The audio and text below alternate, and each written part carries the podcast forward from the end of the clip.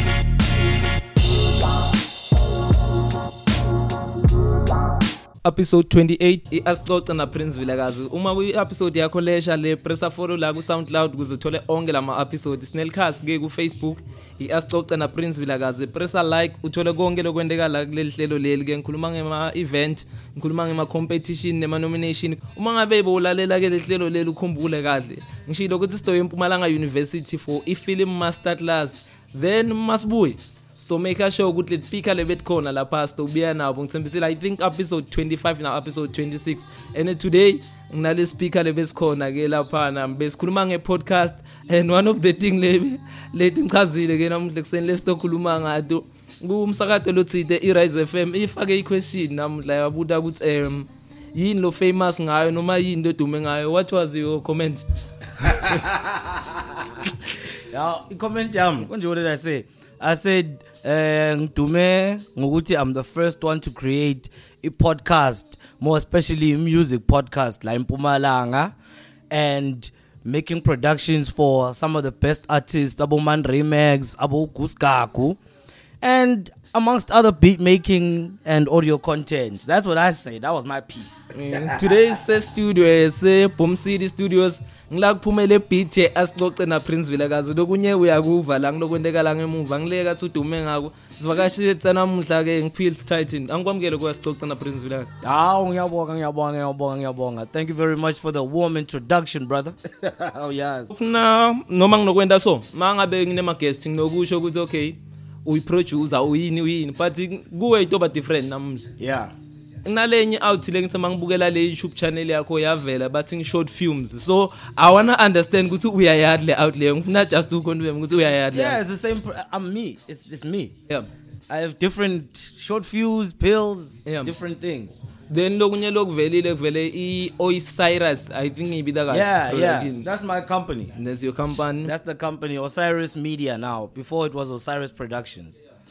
yeah then you have the YouTube channel Epomseed yeah then Bomb City i-divideke e, kangakho because there's Bomb City the YouTube channel yeah. then there's Bomb City where kunale studio oh man basically Bomb City Sounds is what you can call a hub it's the hub of music that's made locally for the international or the local market so it's a platform the Bomb City lo ithola ku Facebook is tied up with i Bomb City ya ku YouTube which is tied up to iMixCloud. Now iMixCloud is where actually the home truly was.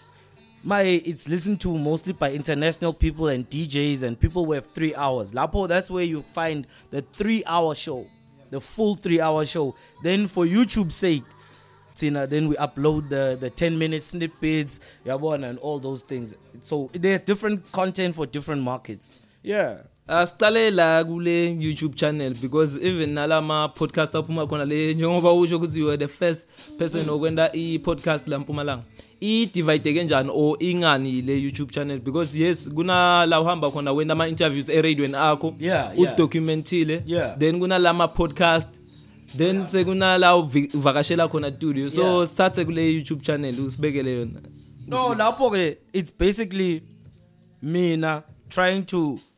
show the different facets that are available uyabona so that's why you'll have me actually putting out songs you'll have me listening to people's songs critiquing you'll have go youtube it's just the platform yeah it's just the platform me now the reason why i didn't allow other people to upload onto it is because then you end up finding people re-uploading their songs 10 times or whatever yeah yeah, yeah. so give me they send it to me i curate it and then i put it on a playlist and then i upload then kuba nalapho ukuthi mina as bomb city we want to find out the hottest places the dopest spots sometimes we leave siyahamba siya kwezinye iy'tudio kuphi sometimes isiba local so that's all it is it's a platform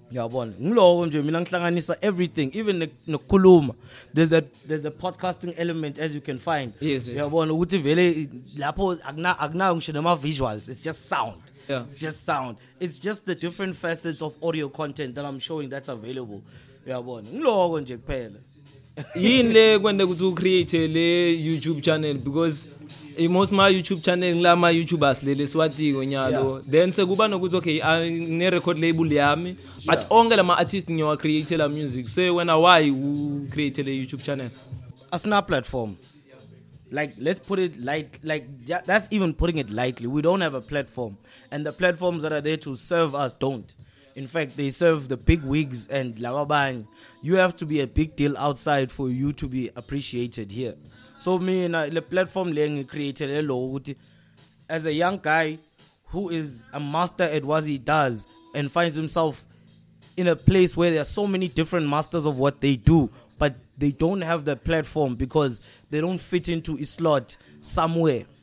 Whether it's the slot of being a radio presenter, whether it's the slot of being an artist themselves and having the kind of push. So that's what Ipom City is about.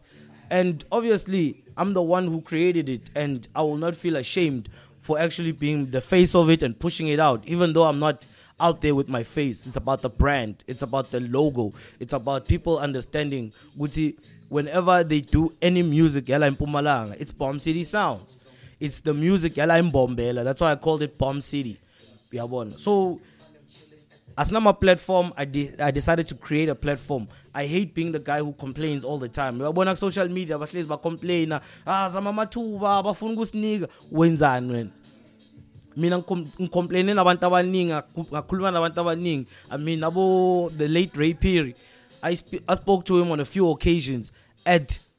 conventions that are supposed to be helping us artists go forward. And the first thing he said was, What are you doing? And when I told him what I was doing, and he said, Okay, then you clearly have a platform. You can do this, you can do this, you're a mixer, you're a masterish, you're a record. Then you have a platform. Yeah, one. So you also be one of the voices that people can rally behind and they can get their stuff out there. So I had to be a mouthpiece of what radio rejects.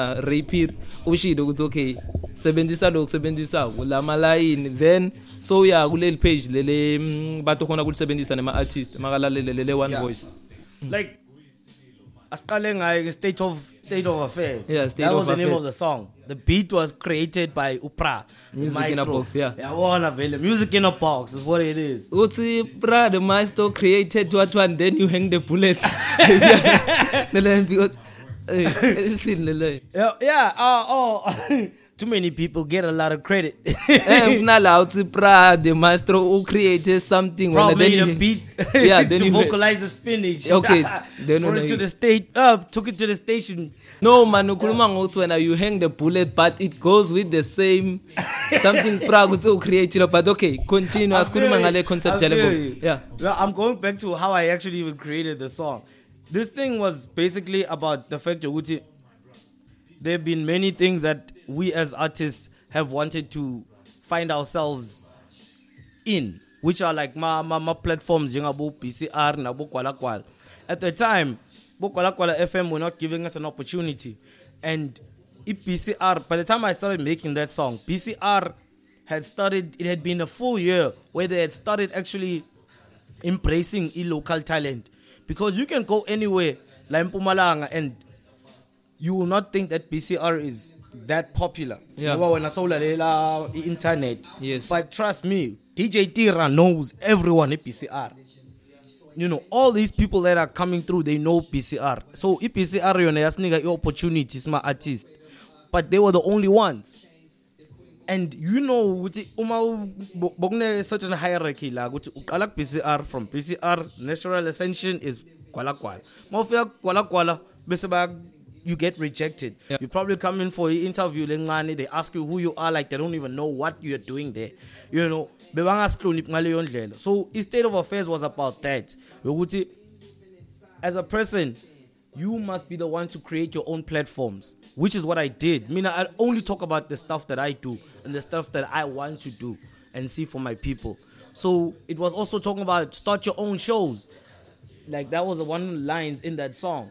it was about that ukuthi besihleli nabo pra ba complain ukuthi hey man kune problem ngalana bafuna lana mabasibhuka basibhadali lona njani njani njani and i was like what are your dealings with these promoters because these promoters they see ukuthi mawufika ulambile or if u depressed or if uvele uyayifuna lento and you don't care about money they'll take advantage of that so it was about why are you allowing people to exploit you because that means you are selling yourself short so i-state of affairs was me breaking down what has been happening la eMpumalanga e, for that time i think it was what 20 2016 2017 no 2017 eh, 2018 it was going into that era where besekune uhlawuli motsoning wathi 9010 90 yeah yeah yeah so i was talking about that ukuthi the state of affairs is we are still looked at as second rate in our own province so when someone looks at you like that, don't think you are second rate.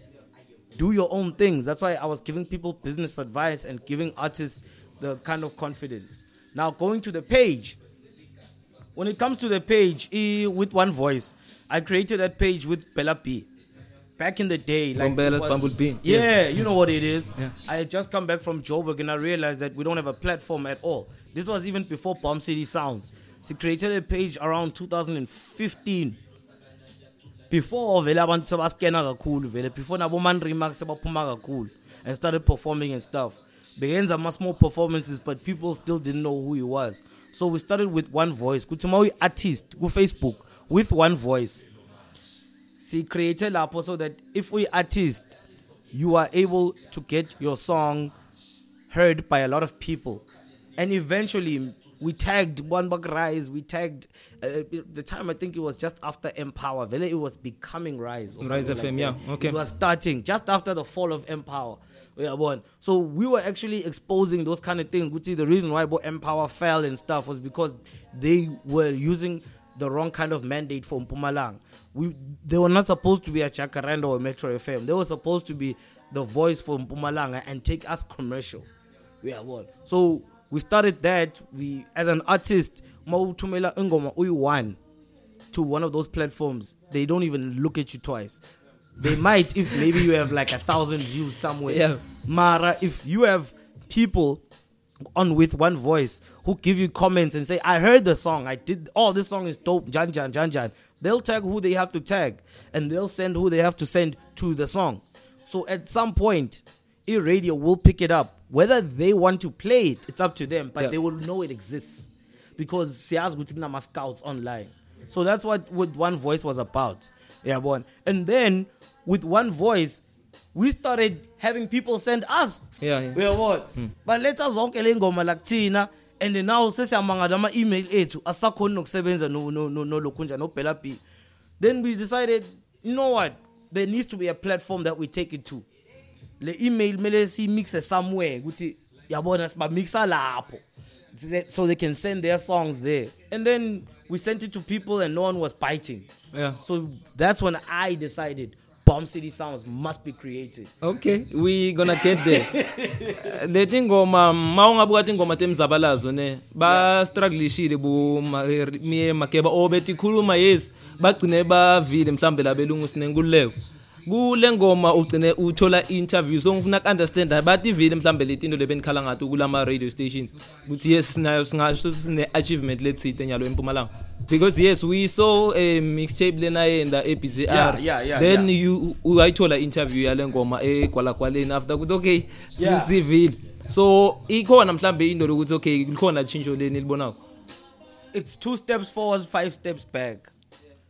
you understand we go two steps forward when we push and then we expect that okay mandate guys seniyireachile because if you notice uh, eh, nase-bcr everyone will know the ars the numbers when they started embracing the local stuff kungasadlali bokenny latimore emini they started actually seeing crazy numbers started getting more phone calls it started being crazy so then ikwalakwala we thought they would naturally do the same but even the guys abasuka ku BCR bayanga le egwalagwaleni because of the good things they were doing at BCR yeah. when they get to ngale gwalagwala it feels like babavalele impompi kuthi now we we hired you kahle kahle for your following not your creativity you are here because you were good at BCR bonke bomawethu bonke bobani bani babathatha you understand because of the good work that they were doing at BCR when they get to gwalagwala now ngathi sebaba shielder from w- they can't be doing what they what made them famous.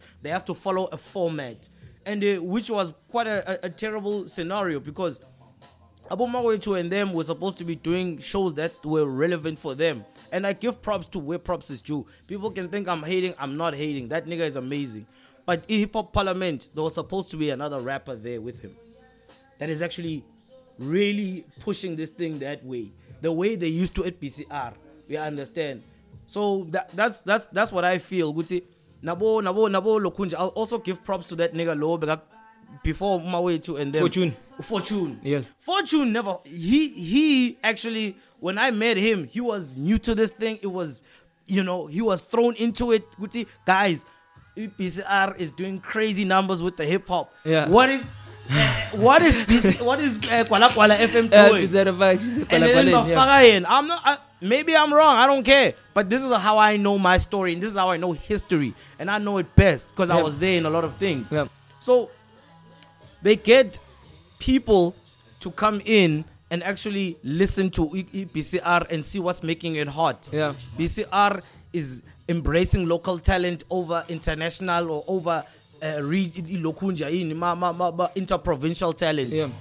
But instead of doing that, they take some of the elements and then they don't bring the true guys in it. Yeah. Fortune was the one and only guy who actually transcended. He's the guy who actually was the the, yeah, the experiment. Yeah. It worked for him. Yeah. We are one. Ukhonile ukuthi ak research my artist. You don't get there and feel like this guy is interviewing me for the sake of my numbers. Yeah. It's this guy wants to generally know what's happening. So I will say that the media in this in in in in, in La Mpumalanga it it it only likes you when you're hot for that time.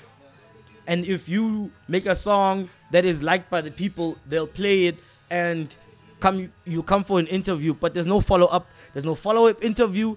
They'll never hit even but you know, only my nigga Jay Spitter is the one that really pushed. And I'm telling you, if he didn't get the Mabala noise thing, he'd still be pushing harder to get interviews. I'm not saying because he's he's he, he talent like a pants. No, a lot of people are talented, But when it comes to that Joburg money and these Joburg things, that's all they embrace. So Mina, I'm glad that Uche Spira he got the kind of traction that every artist like Mpumalanga was able to th- was able to get. And it was because of his work, yes, and because the fact that he left the province and was embraced nationally. Yeah. Then he came back as a Yabon. Mm. So if they were to give the same kind of quality to other artists, then trust me, those those numbers would go up. Gwala Gwala wouldn't be where it is right now where sekushintshile and they're just you know it's like a shell Yeah, so okay sikhulumile ngale ngoma ukuthi ivakele yayenda interview by yeah. the way simentiona i hip hop parliament bayinominatile so yeah asivoteleni hip hop parliament ku yeah. South African Sing music hip hop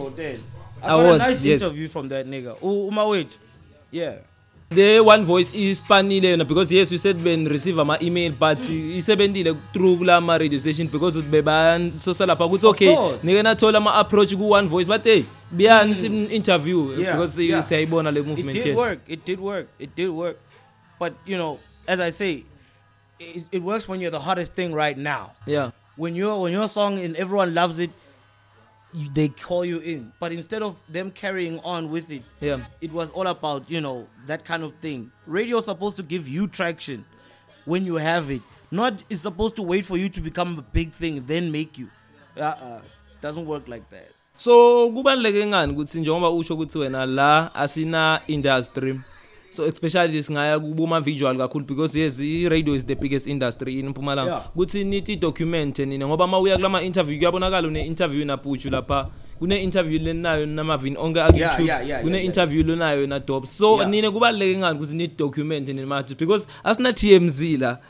isesikhona yaphela ngiyo licishe lebeyita ukuthi itonibamba well you you've answered this question in 400 years people are going to be watching this interview or listening to it or in any way they'll be consuming this interview. The reason why we know what happened back in the day is because someone documented. Yeah, bon. That's why Ibo Ascoca and everything. It's like a Siswati podcast for Abantu Beswati and they understand it. They don't have to stretch imagination yabo. We are one. It's something that they can gravitate towards. So really, it's definitely going to be in the Hall of Fame. for i-media yalana in the next 20 to 50000 years yabona so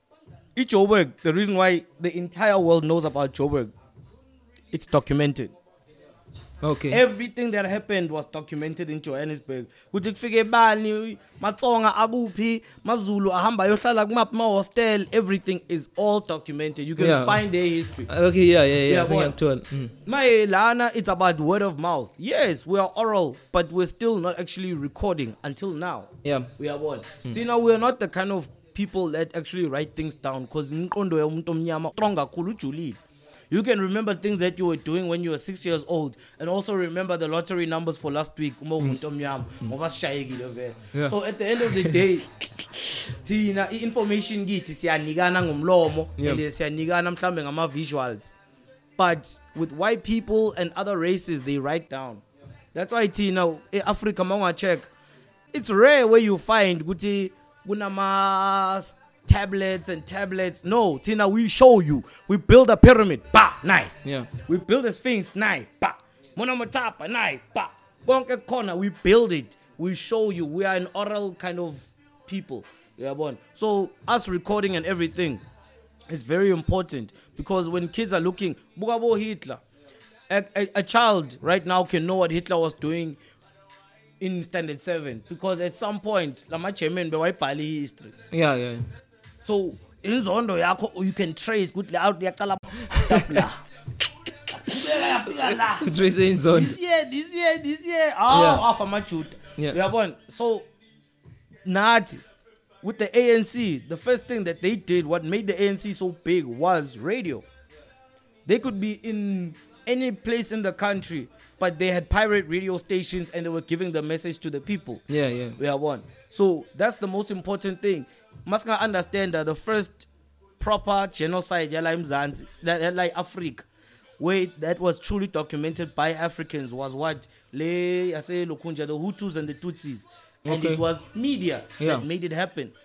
we understand so e-history all those tapes all the videos all those things are still there that's why we still can understand what it is so nakithi abantwana bethu nengane zethu they'll know what we did as as as youngins at their age when they actually do what see or hear us so yeah, yeah, yeah. that's why i'm saying it's quite important to document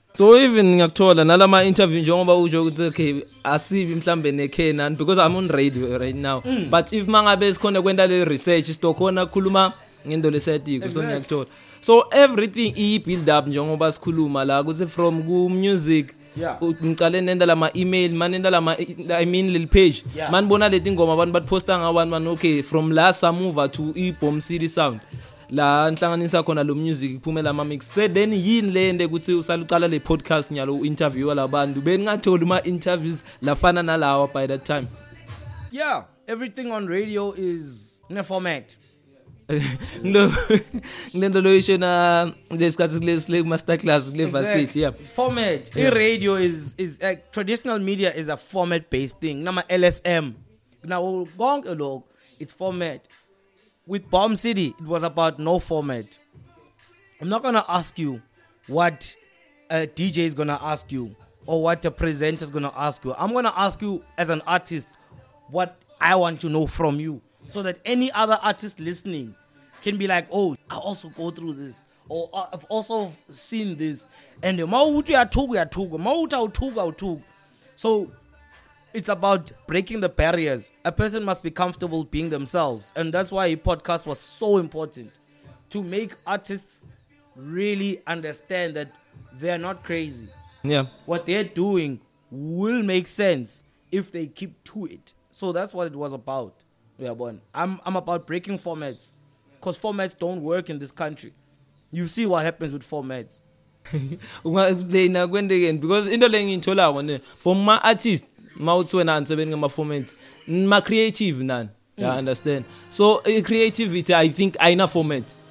kuthini creator and creator ngalokuhlukile so vele iformat ingancoward is like Yay. a limitation mm. i understand if, so if my show was formatted mm. then i'd only be doing interviews yeah. then i'd only be doing songs or or playlists releases mina ibomb city can drop songs from 5 years ago because of like, my email lists if those songs still exist on the cloud i get them i put them out at any point it's not about me dropping the latest only i will i do drop the latest but It's about the music.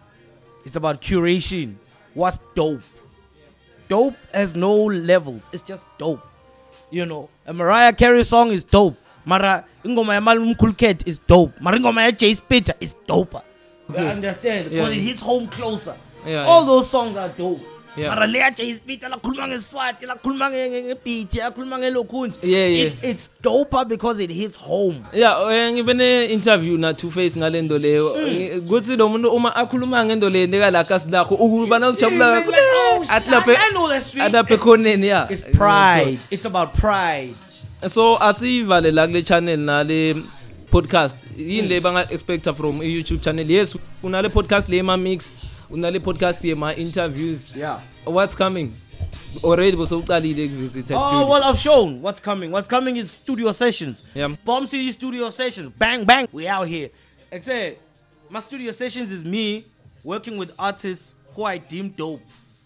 the first studio session that i did i first artists from outside who listened and felt dope Bomb City Music and said, "We want to be a part of this." Okay.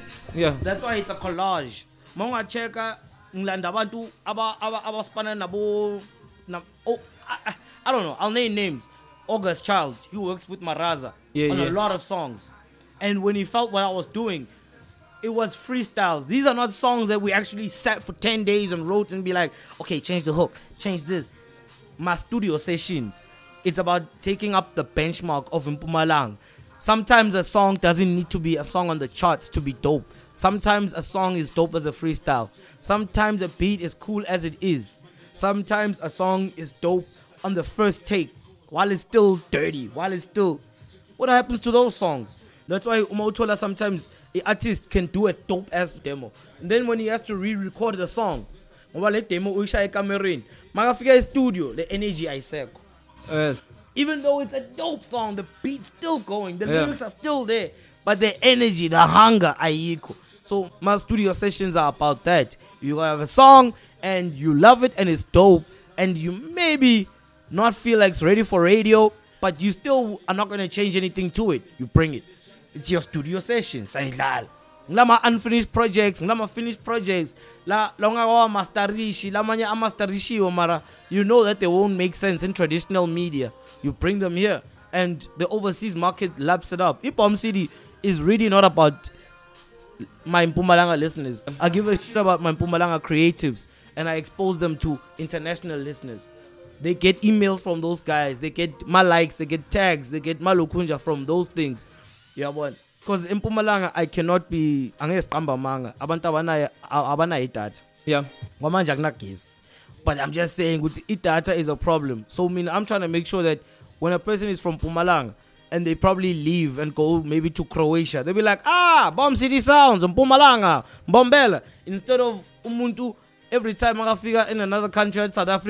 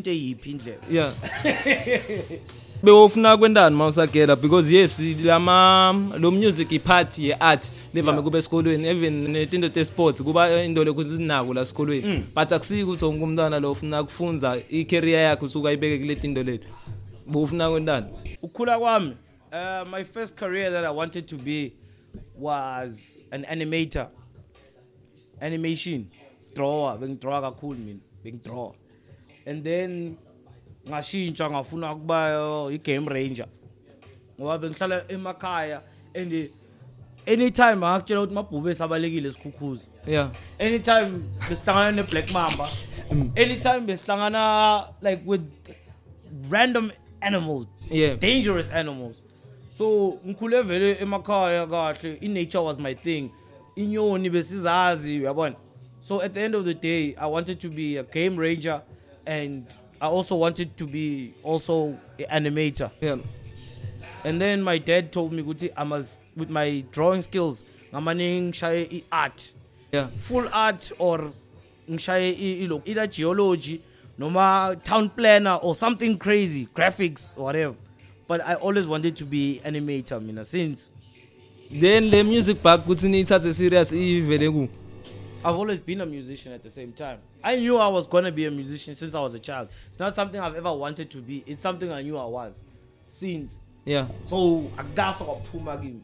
I've always been that. And then I wanted to be an animator who actually animates his songs. okay ngicula uyabona ngishaya ima music video because besithina sikhule vele seqala bo channel O uyabona yeah channel O sayibona iqhamuka vele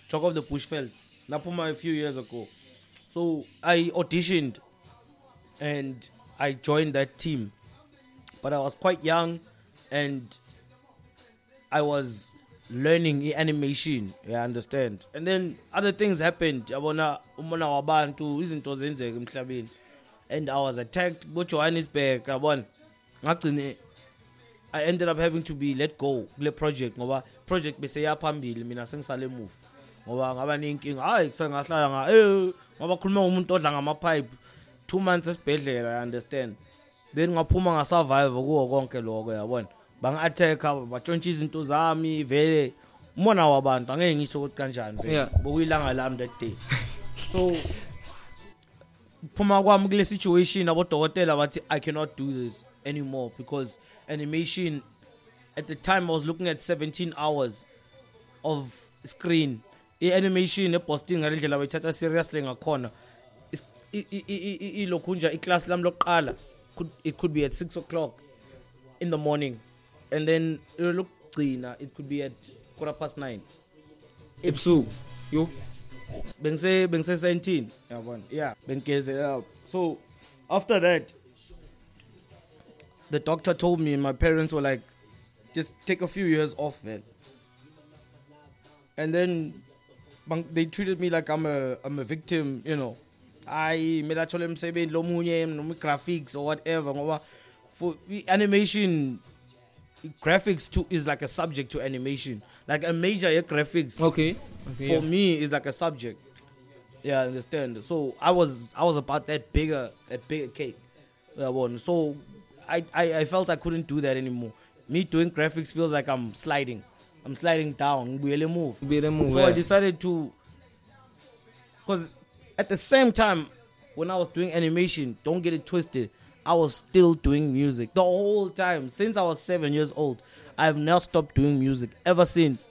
The only time I stopped doing music was 2019 ukushona kwe-time alarm and that was a few months I had to take off but ever since I was 7 years old music has been in my life and I've been doing it sometimes professionally most times unprofessionally since I was an adult yeah one what do you mean professionally and professionally is going to ama I stayed for going to competitions, winning things, okay. doing doing sorts of things that were institutionalized with schools and all those kind of things.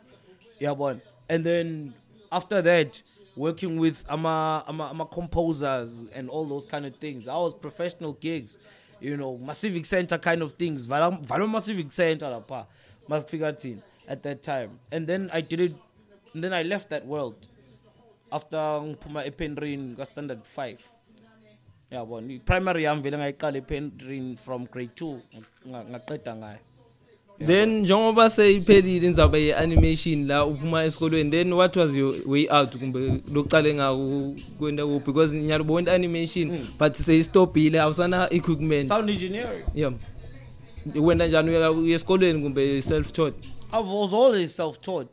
but now i had to prove to my parents that what I was talking about, I could back up. Yeah.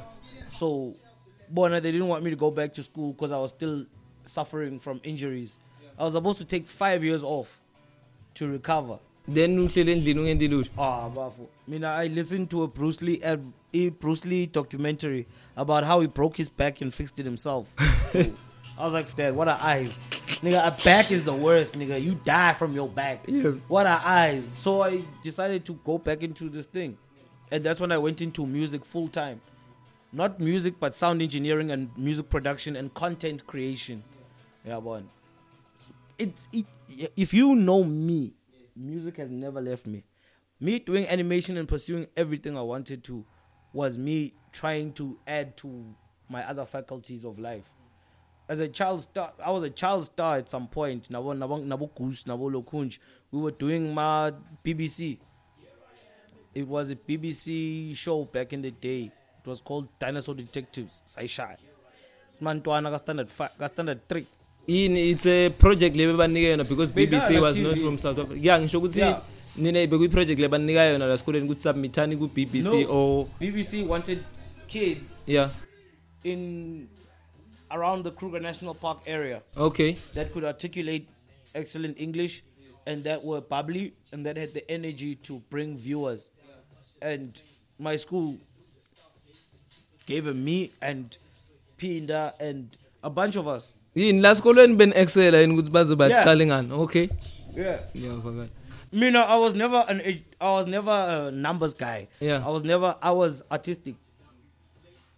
my plays my plays ngikhule ngishaya my plays acting i also did acting that's another thing that i grew up that's another interview but that's a whole different interview yeah boy yeah I've been doing this since I was a child.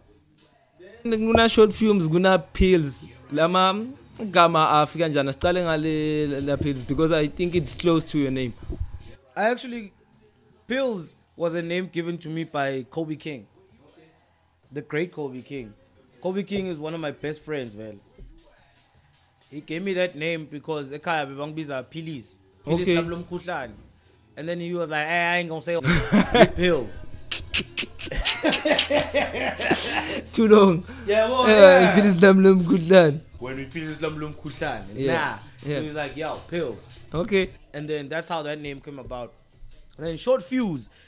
then the a, titanic oh the, the oh. titan was the titan they, yeah because the Europeans the titan and titan oh. like them yeah well mm. the first the titan the titans are the if you well for the readers out there the Titans are the ones that made the Greek gods. And if you understand what Greek is, it's African. Yeah. All the Macedonian languages are African. Yeah, born. Because I knew my history since I was a kid. But I knew world history dating into Africa, but not more South African history. It's South African history in Kalugifunda Manji. But since I was a child, I've always known about the history yeah, overseas and how it ties into Africa because of my reading. So the Titan is the first gods, the gods of gods are Titans. So that's how I, I figured because there was a 5% nation in America. The 5% nation came from about Malcolm X. And uh, they were the guys who said that human, pe- like black people, and are 5% gods walking on earth. So everything, peace, God, Nabo Pastor Rhymes, Nabo Banban used to, they were all part of that thing. So I mean, I was like, I'm not a, I'm not a god. I'm a titan. I made gods. Yeah, boy. So yeah, that's where the the name Titan comes from, and then connected with pills, it was basically the the tablets of knowledge. Cause you know, pills before they were pills, they were called tablets, and the tablets were where people inscribe and write the the tablets of information and knowledge. So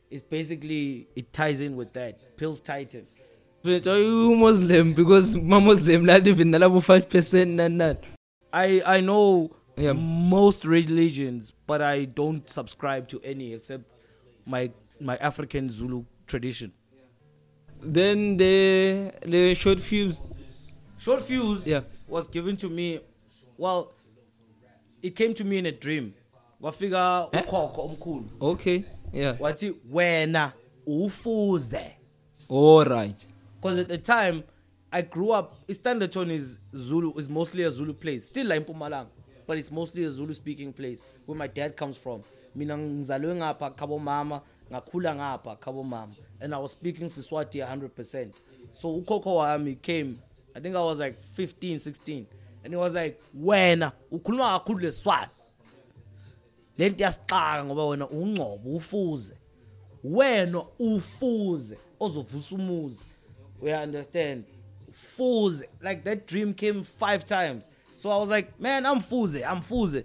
and then white people and I used to I used to, I used to do graphics, so I used to do that shit on my uh, right fuse on my rhyme books and everything. Fuse, eh, fuse. White people Fuze. were like, oh, fuse, fuse. Oh, okay. Fuse, fuse. I'm like, no, it's fuse. They're like, nah, nigga, it's fuse. and then a friend of mine, Ben, Benjamin, Benjamin Mabuz, he was like, when. Well, awuyena ufuze because your dad is fuze he's still alive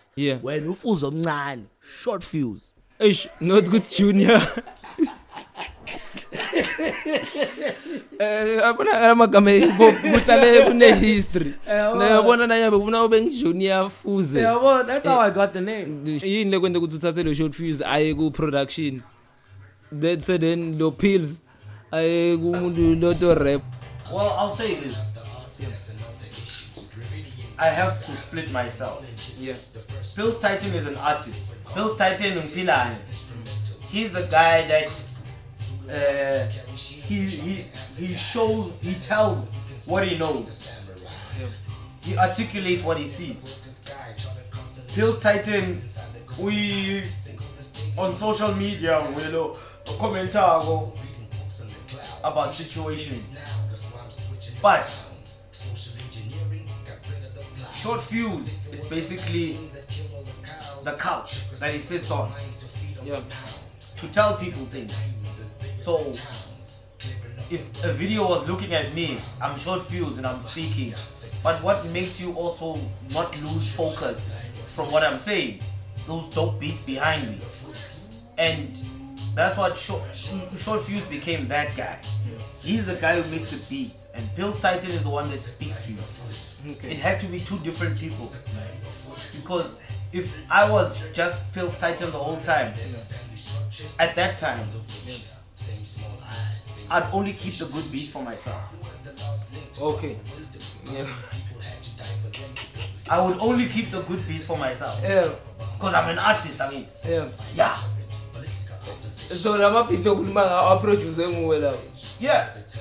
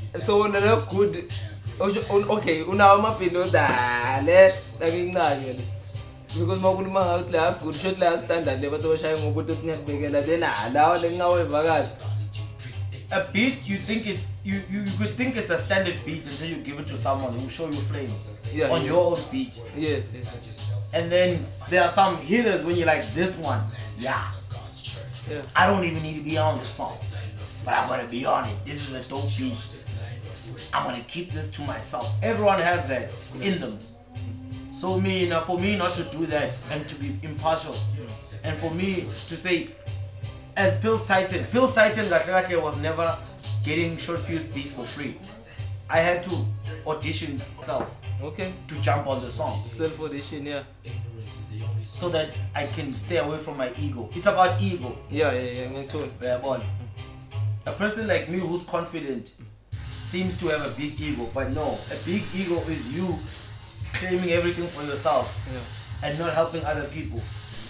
So in order for me to keep helping people with the same effort and the same power yeah. that I'm helping myself, I had to be two people. Yeah. The artist and the creator. Okay, let's split the short pills and pills. Then because pills most ugumai Ngisiphi style lo sendawo uma ukumike store yakusho ukuthi ku producer uh, siphi stuff. I'm a conscious rapper, bro. I'm a conscious I'm a conscious rapper. Nothing there's nothing else. Even if I make funny shit, it's funny conscious shit. Makes you think.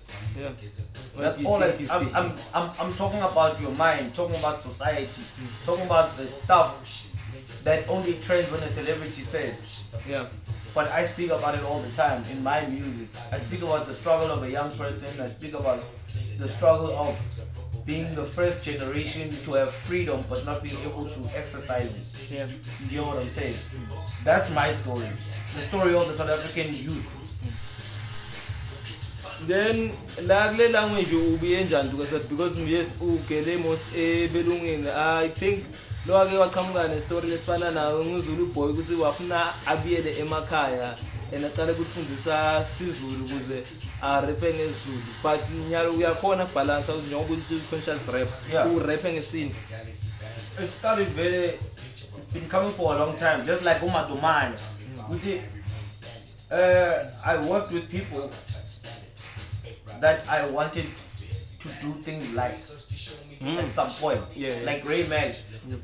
People won't know this. This nigga used to spit in English superbly. Yeah. He used to do reggae and reggaeton and he used to spit Bennett, dancehall and all those kind of things. That's why he's still to this day man remix. Yeah.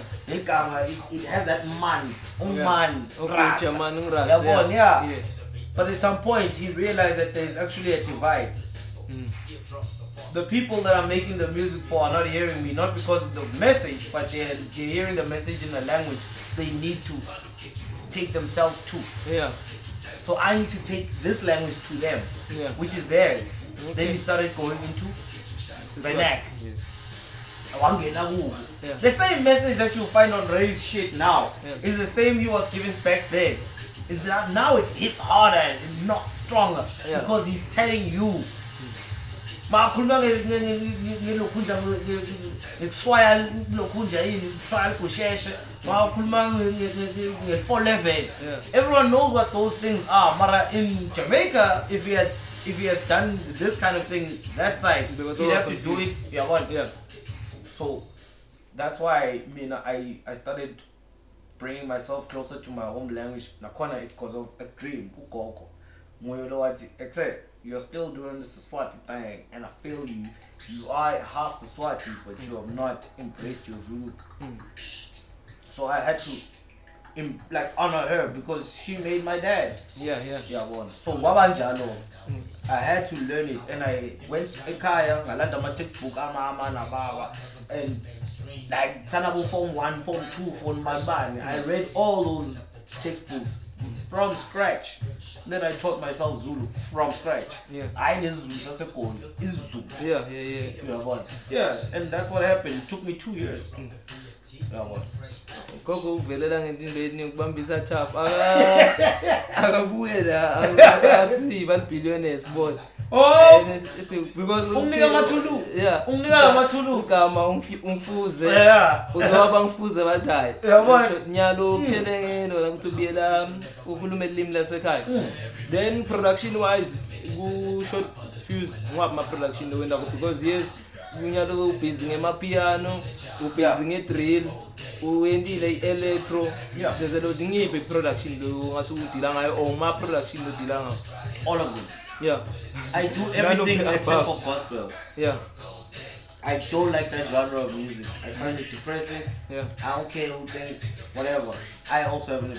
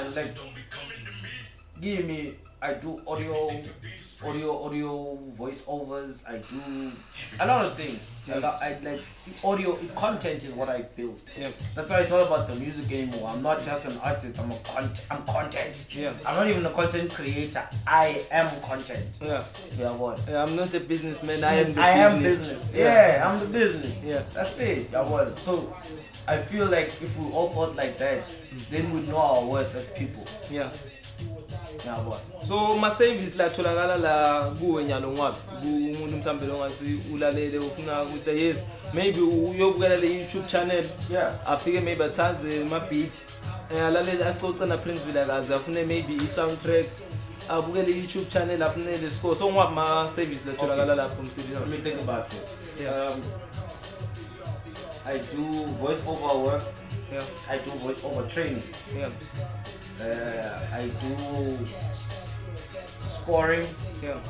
movies, uh, TV. I I also do books, audio books. Yeah, yeah. I also am the one who created the first audio book with Mr. Gary Daniela in Pumalanga.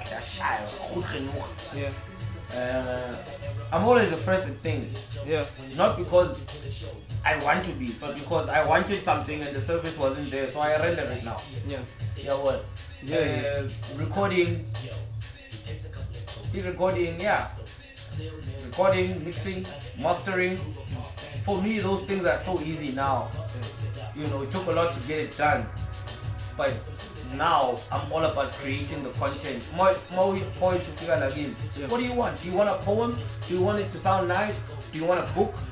Do you want an do you want an audio show of your poem? Mm. Do you want to make it a movie? Do you want to make it a series? It's about that now. So you know, all I do is also give insight. Yeah. I'm also a motivational speaker. I'm also a coach, a vocal coach for hip hop and R&B. not other shit not classical uh, no anginazo iy'tifiketi zaloko uyabona yeah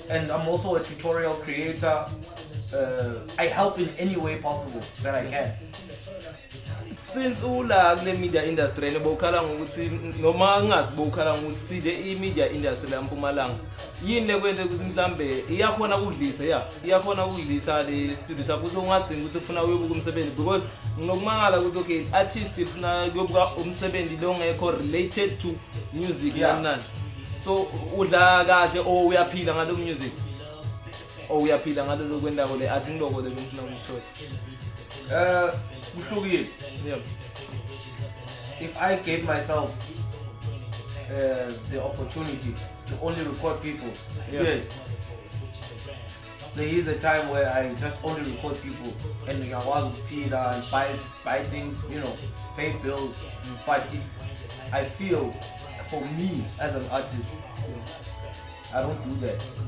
I can't. It's taking away from what I'm trying to live on the planet. Yeah. You know, I work with an artist who will come and record sharp, but it's the energy. Yeah. So ngakuphilis mina i create ways of even after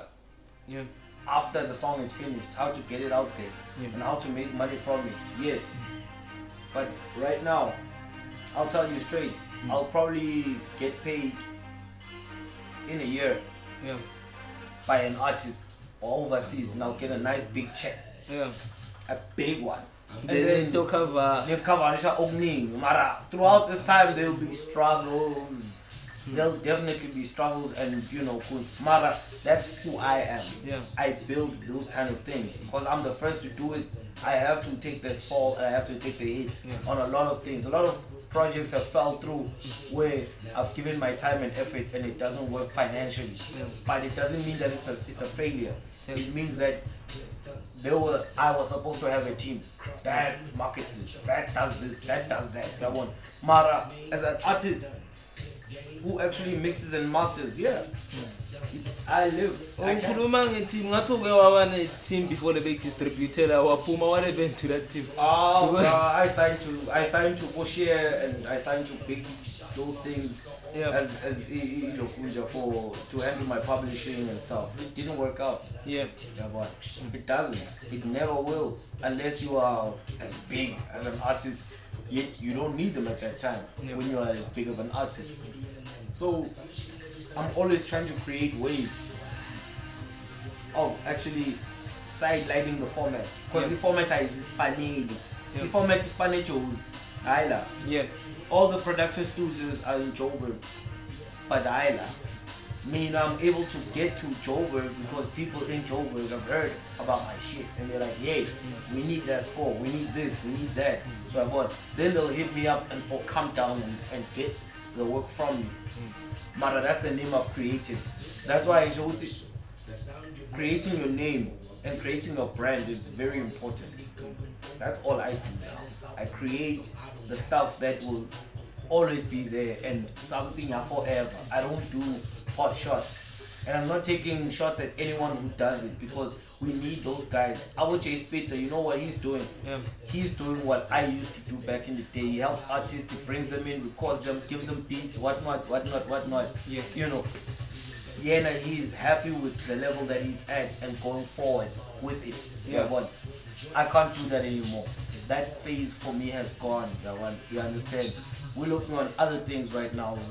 We're trying to get my syndications on go go Netflix go, uyabona yeah. all those kind of things so a Netflix beat won't take me the same amount of time as a dope as a whole track that I would make that some people would just love immediately yeah yeah uyabona yeah, okay it Ooh. takes different kind of elements the scoring kumele uhlale uyiunderstand the story kumele ulokhu nje uyabona mm. and then you create the music around it and then uyayichumela so ungilowo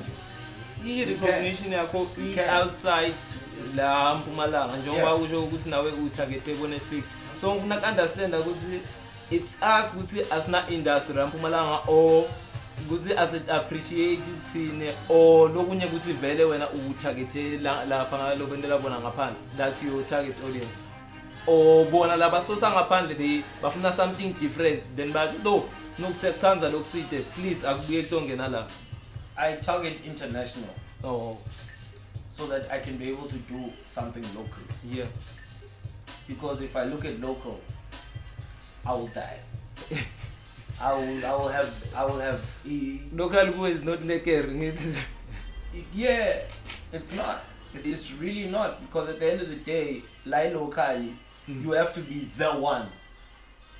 Yeah. me, you know, when I become the one and I'm starting to become famous at some point, it'll seem like ah, Piana, you're poor. So long we, so long we, let's have my award, so long we. Uh-uh. Like the country, Lena, there always has to be a top dog, yeah. one top dog, and then if another one comes, say by and stuff. I don't follow these yeah. kind of things. Or the industry, or the creator, because we have to yeah, have one. So I don't do yeah. that. I don't subscribe to that. I subscribe to creating my content mm. and creating my legacy. Yeah. The intellectual property is all I ever focus on. Yeah. That's why in short, I take my time to create my intellectual property. Mm. Those who understand it, it's out there. Yeah. Those who know how to find it can find it. Those who don't want to, it's fine.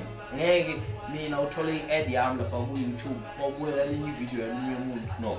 Yeah. If you want my stuff, you'll find it. Mm. Because the international people, they have no problem finding my stuff. Yeah. They have one. They have no problem finding my stuff, and they and they remunerate better. Yeah, yeah. At this point, because Aruna industry.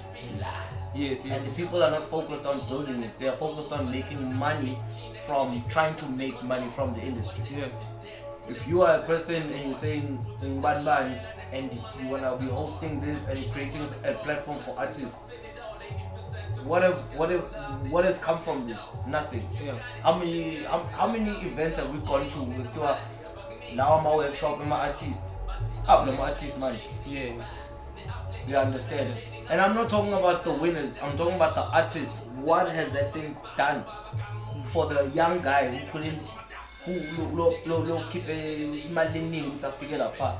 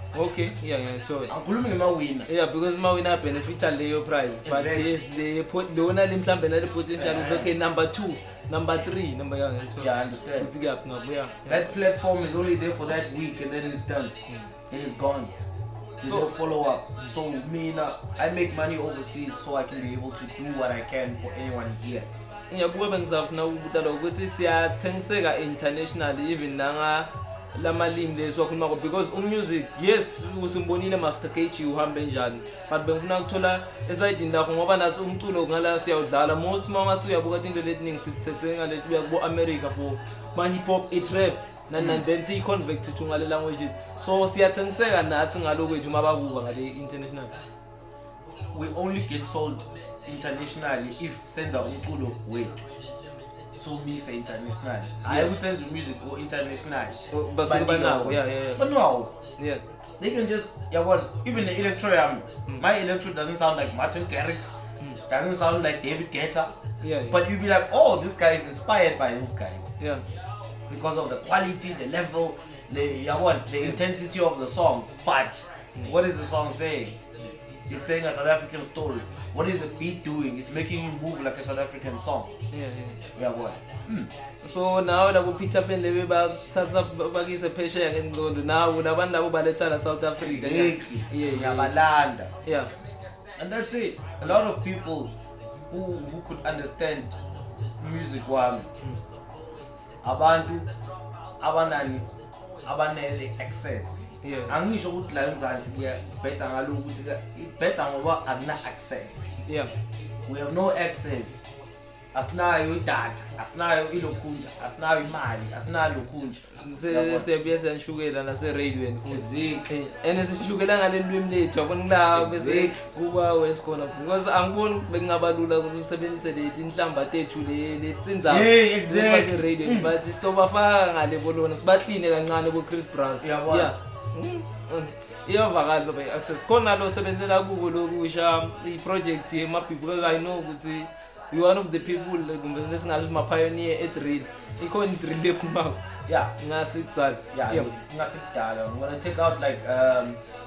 probably a nice little ep five to six songs and yeah. then another five to six songs ngabo-february yeah. the, the five to six songs probably be in January yeah. I'm gonna probably submit them ngabo ngabo lokunja ngabo December yeah. or end of November for i distribution company yami ilokunja iamuse the ones that distribute my music yeah yeah then they'll hear it out and then they'll tell me what they think we go international or we introducing drill in South Africa we're doing South African drill for an international market yeah, yeah.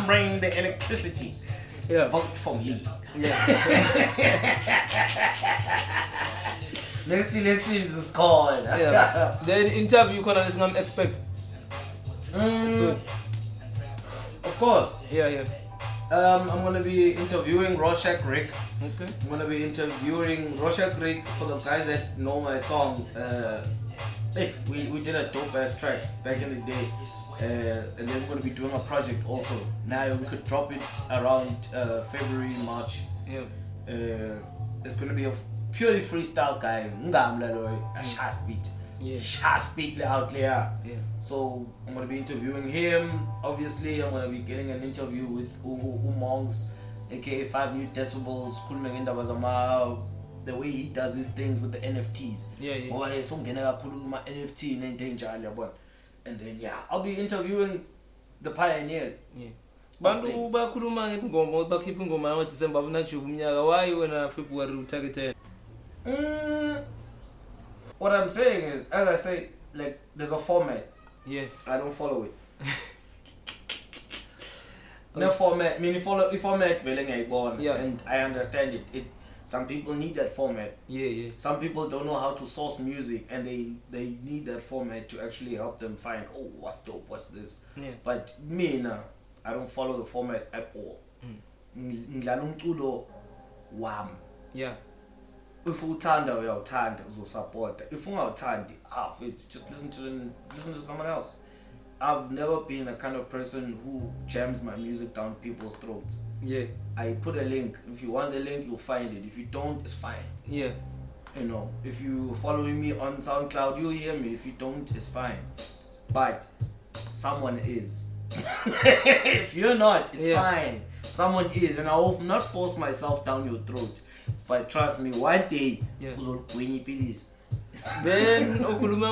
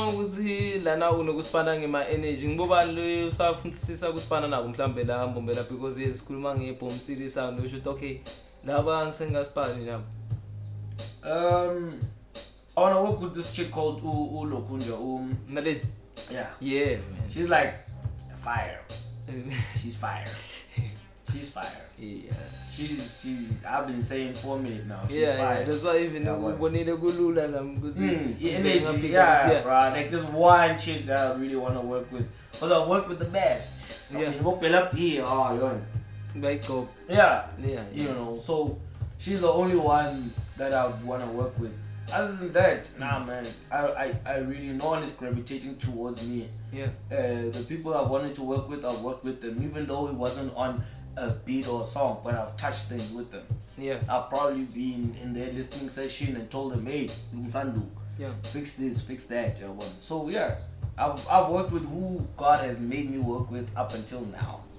Yeah, one. But family, I also want to work with my family.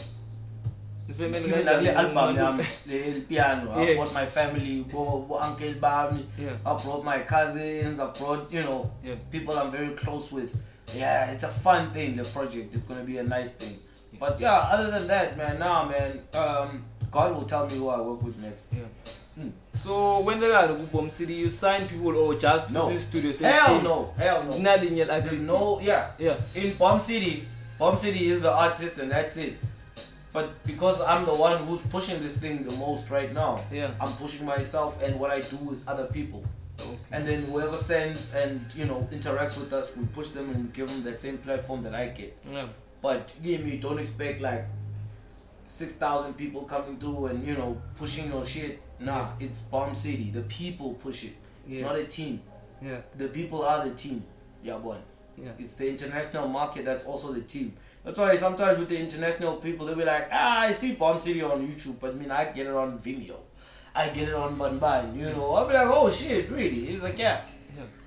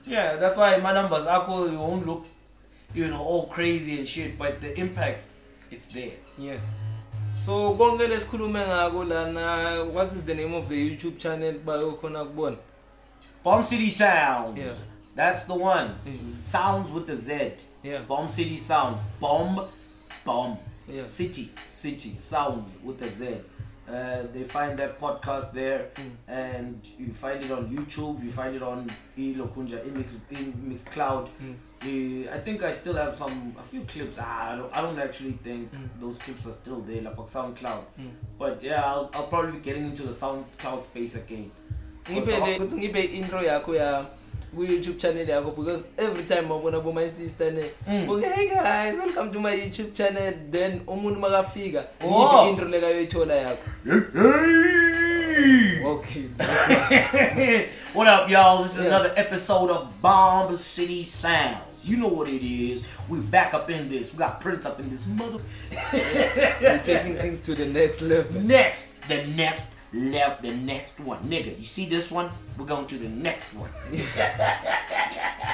no, that's its own territory mafia. Then for music by Ucholago. Music Wami, Pills Titan. There's also Pills Titan topic um, on YouTube.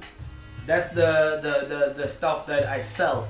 Yeah. Because I don't just make music to sell. I make music for people to hear okay. and enjoy and love.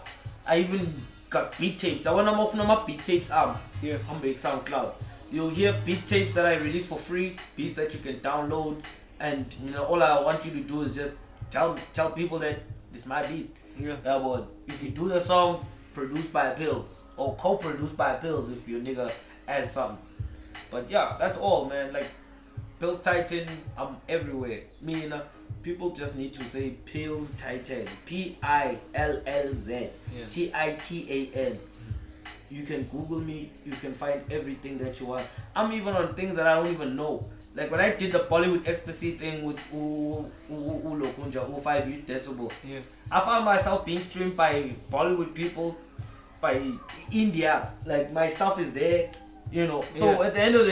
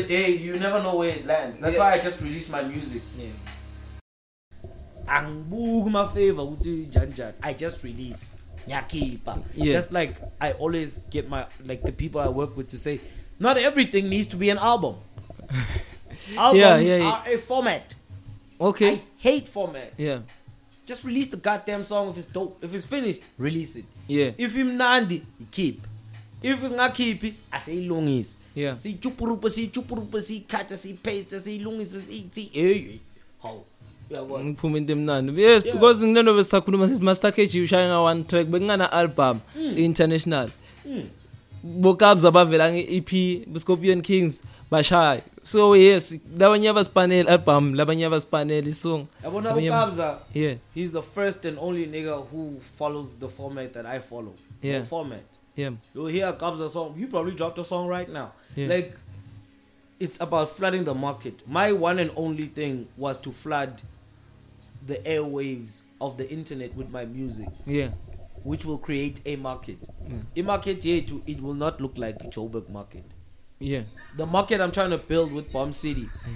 is an artist can come to town with just a cd or with a fully charged phone and be able to walk home with money okay ungabanikeza example yalento lo likhuluma Uh 2017, 18 and 19. Yebo.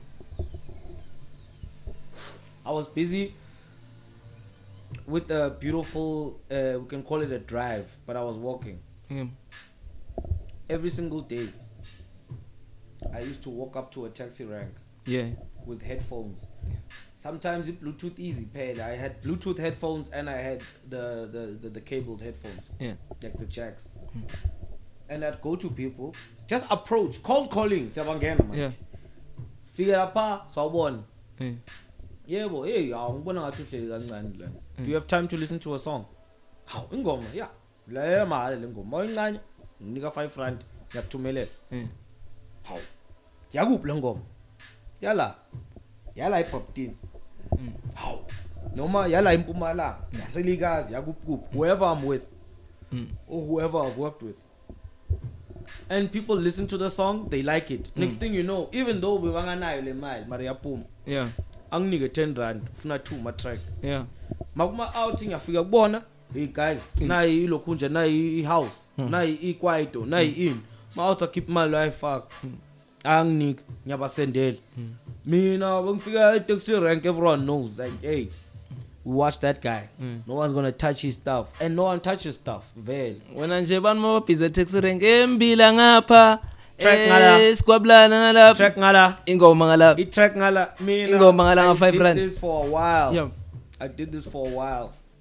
until i've i've had a lot of projects that put me back into endlini yeah. but you know i can walk out sasekuseni with a song mm. or maybe five tracks or two albums that i've done yeah. ngihambe nje if you have if you are wearing headphones mm. usenkingeni ngoba senginawo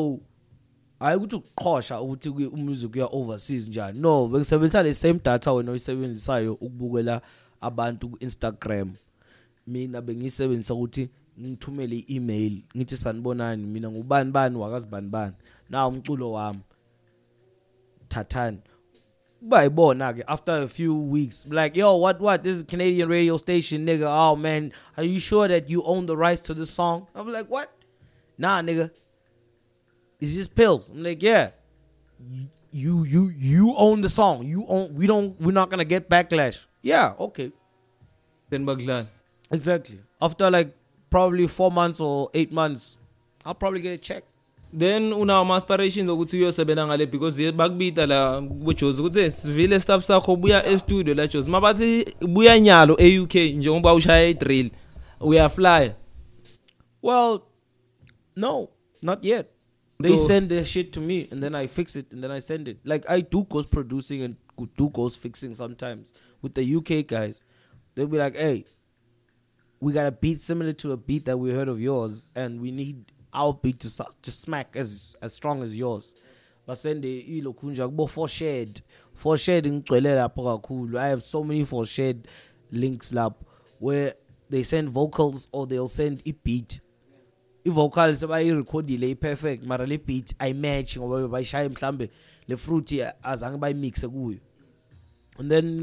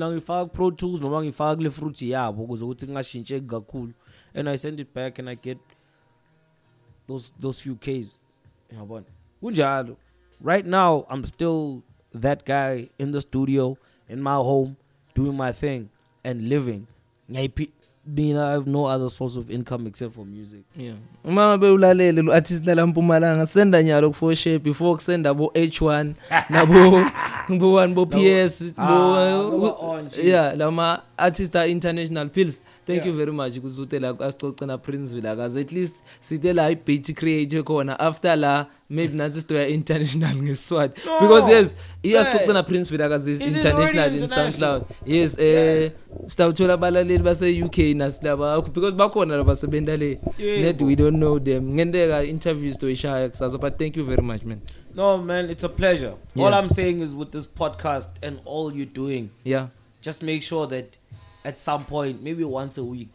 Yeah. Instead of posting on Facebook, you post it to a Kenyan radio station and probably get them to have a syndication. Yeah. Post it to a what what radio station overseas or yeah. podcast they are overseas when they link up. Put guys, this is what I'm doing. Yeah. And I'll tell you, you'll be surprised.